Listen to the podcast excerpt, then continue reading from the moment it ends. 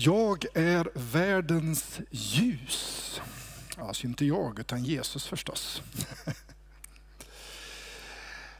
Vi är ju en tid på året där så att säga mörkret smyger sig på oss. Jag menar, det hinner inte bli kväll förrän det är mörkt. Innan vi ens liksom tittar på klockan så börjar man se ut och det är mörkt och det är tråkigt. Och, det, och när det är sådana här regniga dagar, idag var det ju ganska fint på morgonen i alla fall. Men eh, alltså, hösten kommer på och man tänder ljus. Man försöker göra det roligt och trevligt och mysigt hemma för att ute är det ganska gråkallt. För några år sedan så, så, så var jag inne tillsammans med en grupp i en grotta. Jag var ute på en, en, ja, en utflykt där vi i Brasilien fick besöka en grotta djupt ner i berget. Och vi kröp lite olika vägar och gångar. Jag har inga bilder på mig själv, men jag var med. Jag tog ju bilderna. Och vi fick krypa och tränga sig igenom, det är inte så lätt. Eh, jag var själv eh, den äldsta i gruppen. De andra var ungdomar och jag var lite äldre och hade den som, men de tog väl hand om mig. Jag kröp runt där och kröp ner. Och vi tog oss in ungefär 250-300 meter in i berget. Och när vi var där så var vi ungefär 70-80 meter under marken. Jag träffade på en del trevliga små djur som fanns där nere och allt möjligt sånt. Som inte behövde ljus. Luften var kall, det luktade jord och sten. Det fanns inget, inget, inget ljus. Och sen när vi var där inne så kom vi fram till en stor grotta där bland annat den där hängde där. Och så säger våran guide så här att nu släcker ni alla era lampor. Ni sätter er ner, släcker alla lampor och allting och så är ni tysta fem minuter. Det var fruktansvärt långa minuter. Och jag fick en känsla av att när jag satt där, att helt plötsligt så fick jag en känsla av att, är jag själv? Har de andra försvunnit? Har de gått och jag märkte ingenting? För jag liksom, tystnaden var totalt, mörknaden var total.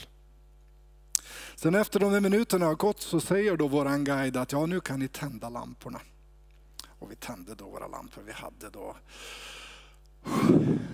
man liksom kände en, en suck. Och sen tog vi oss ut så småningom. Det tog någonting omkring 20-25 minuter innan vi hade krypit ut genom gångarna och kom ut igen. Och det var en härlig solig dag. Och då, då kände jag mer än någonsin den här övertygelsen om att vi är ljusets barn. Att vi behöver ljus. Vi behöver ljus för att leva. Vi behöver ljuset och de timmar vi har mörkt, det är ju då vi sover för det mesta. Men i princip så skulle det ju faktiskt vara omöjligt med liv, i alla fall mänskligt liv, om det inte fanns ljus. Och troligtvis skulle vår planet vara en ganska död planet om inte ljuset fanns. Vi vet egentligen inte vad ljus är för någonting, det är intressant. Eh, jag har hållit på lite grann och försökt att forska och titta lite i tiderna. Och den här mannen som ni kanske har hört talas om, Albert Einstein, han, han hade en teori och säger att ljus var energipaket, han kallar dem för fotoner. Sen finns det andra forskare som säger att det inte alls är några energipaket utan det är magnetiska strålar eller elektromagnetiska strålar. Och så finns det en del som säger att det är en blandning av både och. Ingen av oss vet egentligen vad ljuset är. Men det faktum är att när det står om skapelseberättelsen så är det första Gud gör det att han säger, var det ljus? Så stor är vår Gud. Alltså, där börjar allt i skapelsen av ljuset. Och det är väl därför den här bilden ljus är liksom den kanske en av de mäktigaste och de viktigaste bilder som vi människor har. När man ska tala om någonting så är ljuset en mäktig symbol. Och så också självklart i Bibeln. Psaltarens 119 som vi känner bra säger till exempel att ditt ord är en lykta för min fot och ett ljus på min stig. Och när det berättas om att Jesus ska komma i Gamla Testamentets profetier så står det, det folk som vandrar i mörkret ska se ett stort ljus. Över dem som bor i mörkrets land strålar ljuset fram. Ljus. Och därför kommer vi till dagens text. Där Jesus säger, jag är världens ljus. Den som följer mig ska inte vandra i mörkret utan ha evigt ljus. Evigt livets ljus, stod det. Eh, det här är ju en av de centrala tankarna i vem Jesus är. Och att lära känna honom, vi sjöng ju det, att lära känna det är min vilja. Det är också att lära känna honom som är världens ljus. När jag började och förberedde den här serien kan man väl tänka sig och liksom tänkte på vad jag skulle predika om idag. Då hade jag, jag har skrivit det på hemsidan för er som är med och ser det, så står det Johannes 12 till 20, Johannes 8, 12 till 20. Och sen läser jag Bibeln och kommer fram, det ska det inte alls vara. Det ska ju vara Johannes 8, 1 till 12. För att helt plötsligt fick jag en syn på i vilket sammanhang det här står. Och det är viktigt när man läser Bibeln. Att liksom läsa det före och det efter. Det hänger ihop. Man kan inte ta bara en vers liksom och säga så här, nu ska jag predika om den. Och sen så det blir det lite sådär halvdant. Det är bättre liksom att tänka på hela sammanhanget. Så vi ska läsa ifrån Johannes 8 och det kanske förvånar er lite grann vad det står där. Så här står det. Sedan gick var och en hem till sitt och Jesus gick till Olivberget. Tidigt på morgonen var, var han tillbaka på tempelplatsen. Allt folket samlades omkring honom och han satte sig ner och undervisade dem. Då förde de skriftlärda och fariseerna dit en kvinna som hade blivit gripen för äktenskapsbrott. De ställde henne i mitten. Och de sa, Mästare, den här kvinnan greps på bar gärning när hon begick äktenskapsbrott. I lagen har Mose befallt oss att stena sådana. Vad säger du då? Detta sa de för att pröva honom och få något att anklaga honom för. Men Jesus böjde sig ner och började skriva med fingret på marken. När de fortsatte att fråga honom reste han sig och sa, den som är utan synd kan kasta första stenen på henne. Sen böjde han sig ner och skrev på marken igen. När de hörde detta började de gå därifrån en efter en och de äldste gick först. Han blev lämnad ensam kvar med kvinnan som stod där. Jesus reste sig upp och sa till henne, kvinna, var är de? Har ingen dömt dig? Hon svarade, nej herre. Då sa Jesus, inte heller jag dömer dig. Gå och synda nu inte mer. Jesus talade till dem igen och sa, jag är världens ljus. Den som följer mig ska inte vandra i mörkret utan ha livets ljus. Ärligt talat, jag har aldrig kopplat samman den versen med den historien. Men jag ser här hur Jesus ljuset belyser en verklighet. Berättelsen här, den behöver ett nytt ljus. Den behöver på något sätt komma fram i ljuset vad det här handlar om. Det första den visar på det är den här situationen för den här kvinnan som får representera väldigt många människor idag. Enkla, fattiga, utsatta människor som kastas fram. Som får liksom lida och som liksom får stå där med skammen helt själva. Hon lever i ett starkt patriarkaliskt samhälle där kvinnan inte har någon plats, där kvinnan är i hemmet och ska vara i hemmet och inget annat. Där lagar och förordningar inte är skrivna till hennes fördel utan snarare mot henne. Till och med i Mosebok, femte Mosebok står det så här. Om en man har tagit sig en hustru och varit tillsammans med henne och sen finner något motbjudande hos henne och inte vill ha henne skriver han ett skilsmässobrev, överlämnar det och låter henne gå.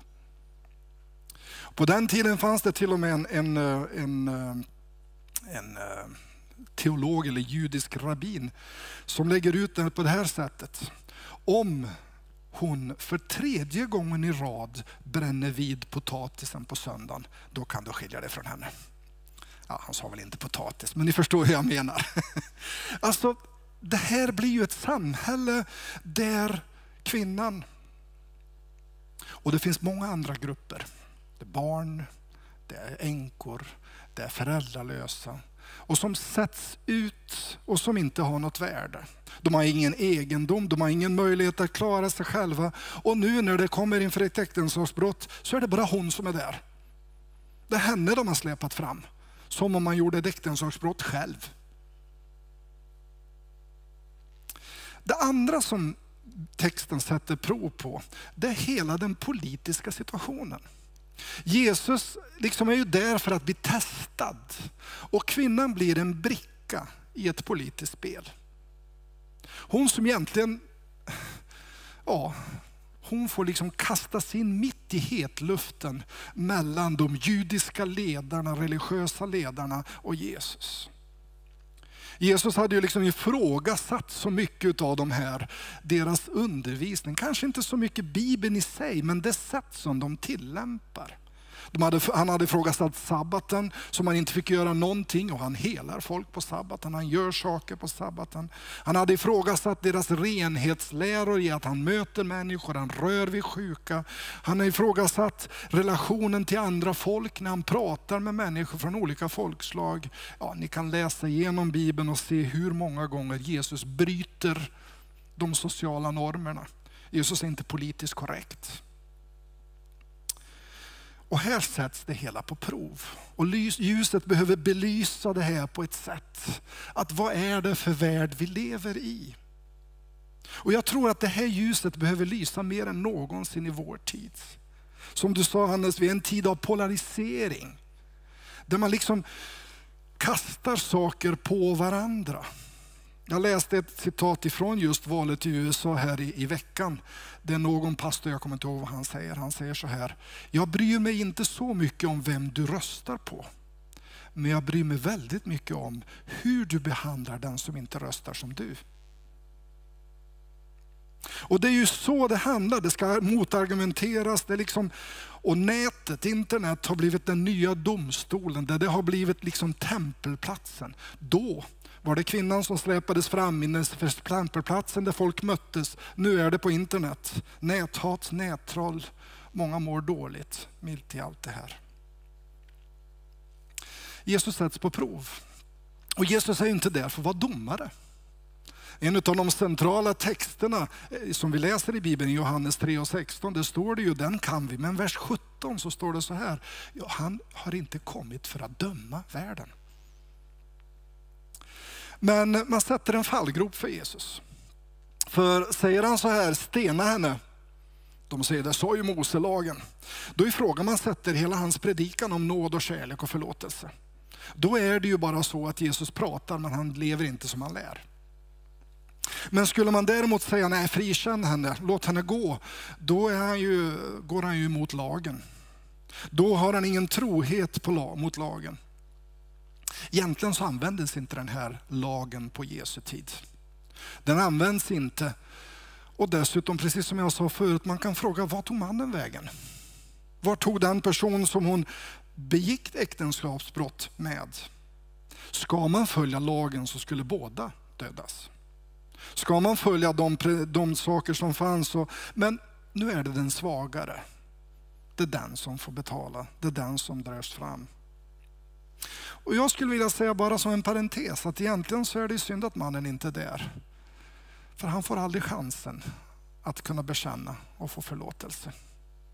Han får aldrig chansen att fortsätta sitt liv som hon får. Så han går miste om någonting väldigt stort, mötet med ljuset.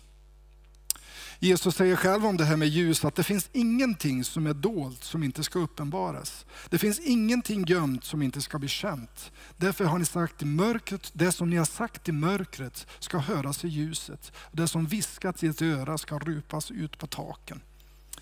Oj, det låter som internet det också. Men ändå så är det ju så att ja, alla vet i den här situationen. Fariseerna visste vad kvinnan hade gjort. Visste om hennes synd. Kvinnan visste mycket själv, väl själv varför hon var där. Och Jesus också visste det. Jag tänkte idag att jag skulle sjunga en sång, och jag ska göra det. Men jag hade tänkt på en sång först och det var Herre till dig får jag komma. Komma precis som jag är. Alltså, det är ju precis så det är. Jesus vet precis vem hon är. Han vet precis vad hon har varit med om. Och han frågasätter inte sanningshalten i det påstående de har mot henne. Och hon liksom står inte där och förnekar, det var inte riktigt så. Men ändå så är hon inför Jesus. Och jag brukar tänka att om det var något de här judiska ledarna gjorde rätt, det var att de tog henne till Jesus. Tänk om vi kunde lära oss att göra det. Tänk om vi kunde ta fram saker till honom. Men ljuset ska lysa. Och Jesus säger okej, okay, låt ljuset lysa lite till då. Den som är utan synd kastar stenen. Låt det då bli klart var synderna finns någonstans. Och det står att de äldsta gick först. För det är väl så att ju äldre man blir desto mer uppfattar man sig själv och vet vem man är egentligen. Sen fortsätter han att skriva på marken. Och det finns hur många som helst som har försökt att tänka sig, vad är det Jesus skriver? En del tror att Jesus sitter och skriver upp synderna på var och en av dem som står där omkring. Det tror inte jag. För inför Gud är bekännelsen inför honom. Gud kräver inte att du bekänner inför andra människor din synd.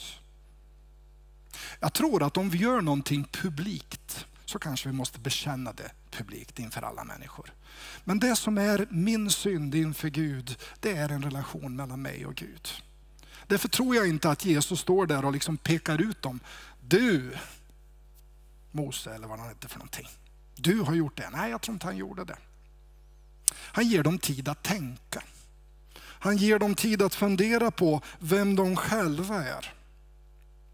Jag tror att det är djävulskt detta att synd ska bli så uppenbart och allting kommer fram i ljuset. Sånt som borde kanske lösas mellan mig och Gud.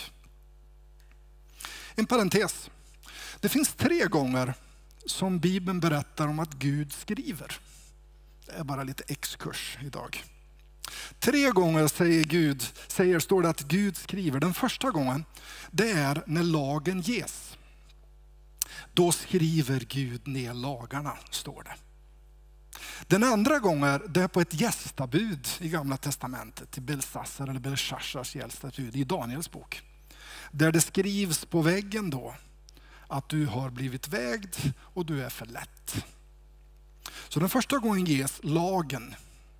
Den andra gången kommer det med en dom mot en av världens härskare. Den tredje gången, då kommer den med nåd mot en syndare. Visst är det härligt? Gud har ett ord mot denna världens härskare som tror att de har makten. Och talar om att detta är lagen. Men mot de syndare som bekänner synden inför honom så finns det nåd. Men det är nu inför ljuset. Det är ju så att ljuset är då vi kan göra rent. Ni vet hur fruktansvärt det är när man en vårdag, solen slår på fönstren. Jag behöver inte säga mer, eller hur? Hur de ser ut. Och när man tänder ljuset och man hittar dammråttorna som sitter lite här och var. Tänk vad skönt det är med lite mörkt och lite så mysigt. Man ser inte allt som är lortigt. Inför ljuset så finns det en chans till rening. I ljuset finns det en chans till att någonting händer. I ljuset, det är då Gud kan handla med oss. Kung David, fantastisk författare om inte annat. Han skriver i en av psalmerna, psalm 32. Så länge jag teg förtvinade mina ben och jag stönade dagen lång. Dag och natt var din hand tung över mig, min kraft rann bort som sommarens torka. Då erkände jag min synd för dig och dolde inte den längre. Och jag sa, jag vill bekänna mitt brott för Herren. Då förlät du mig min syndaskuld. Jag satt och tittade hemma efter en sång och hittade inget nytt. Det kanske är så att vi har svårt med sånger, nyare sånger som handlar om detta, om förlåtelse.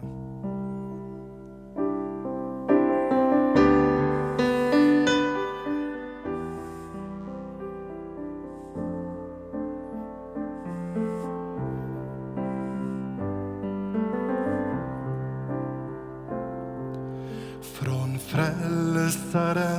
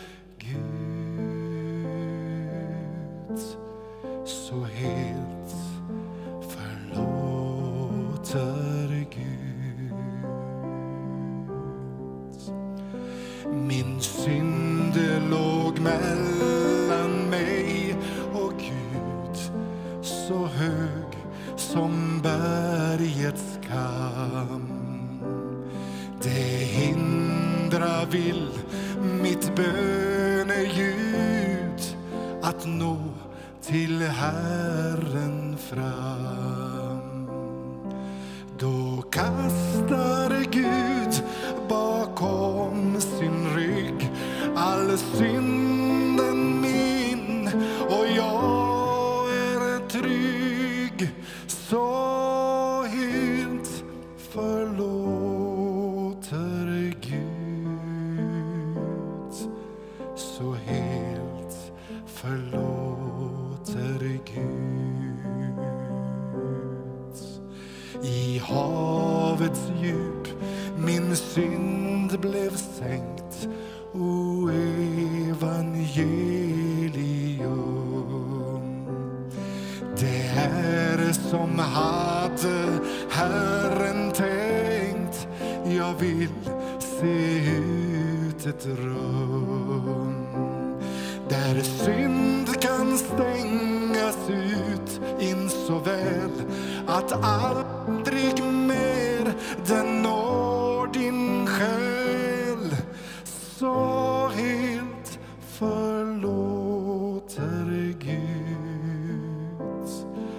så helt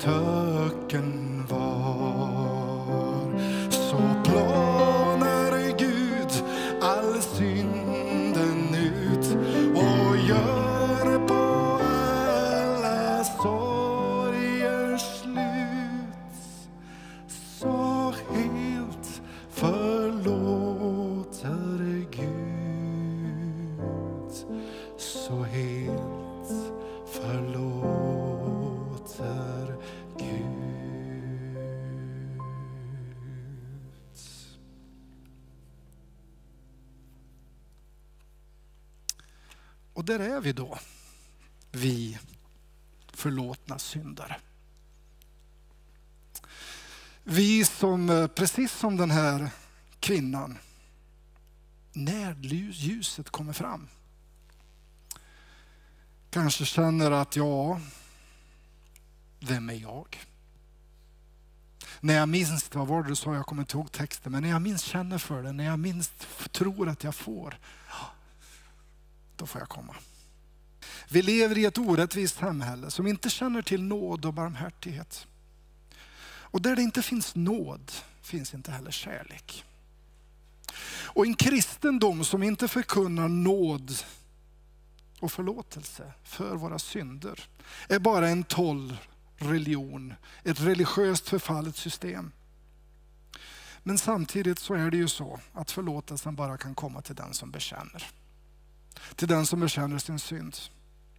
Därför säger Jesus till kvinnan, gå nu och synda inte mer. Förlåtelsen och nåden är ett led i upprättandet av ett nytt liv. Om en liten stund så kommer vi ta del av nattvarden här. Och en av de delar vi har inför nattvarden är att vi får bekänna vår synd. Vi får säga till Jesus, ja du vet vem jag är, du känner mig. Du vet precis vad jag är för någonting. Men jag bekänner min synd för dig. Och vi får förlåtelse. Och då, den här synden som skiljer oss från Gud, den kan åter försvinna. Och Gud kan få vara den bas som du pratar om Hanne. Den grund, den relation vi behöver. Men Jesus nöjer sig inte med att säga, ja, ni, jag är världens ljus. Han vänder på det hela och säger, ni är världens ljus. Ni är världens ljus. En stad uppe på ett berg kan inte döljas. Och när man tänder en lampa sätter man den inte under sädesmåttet utan på hållaren så att den lyser för alla i huset. På samma sätt ska ert ljus lysa för människor så att de ser era goda gärningar och prisar er fader i himlen. Du och jag är ljusbärare. Vi har fått uppleva ljuset i vårt liv för att leva i ljuset och bära ljuset. Paulus han skriver till Efesierbrevet, tidigare var ni mörker. Var ni mörker, känner ni det? Inte är i, var ni i mörkret. Tidigare var ni mörker. Nu är ni ljus. Lev då som ljusets barn, för ljusens frukt består i allt vad godhet, rättfärdighet och sanning heter. Tänk att du och jag får vara ljusets bärare. Vi får förmedla nåd, förlåtelse, bekännelse. Vi får berätta för människor vem Jesus är. Att berätta för dem som lever i mörkret. I denna tuffa tid, i det land där mörkret råder, där kan ett ljus lysa klart. Så nästa gång du tänder ett ljus, tänk på vad det betyder. Tänk på att det här ljuset, det är mer än bara ett, en mysig sak. Jesus säger att det här är jag. Jag som får vara ljuset för människor. Vi ber. Tack Jesus att du är världens ljus. Tack att du kom för att allt detta elände som vi ligger i världen ska bli uppenbart och klart. För att saker och ting som vi helst vill gömma undan för att vi skäms för det, ja, det får komma fram. Men inte för att vi ska skämmas ännu mer Herre, utan för att du vill rena oss. Du vill ge oss ett nytt liv. Och du, världens ljus, du kommer för att bringa ljus till denna värld. Till denna mörka värld. Och vi får se det här. Hjälp oss att vara bärare av ljus. Hjälp oss att vara sådana som sprider ljus i vårt land, i vår stad, här i Adolfsberg. Du har satt oss här, Herre, som ett ljus, som en fyr. Som upplyser, som lyser upp här omkring. Hjälp oss att visa genom vårt ljus på det stora ljuset, du Jesus Kristus.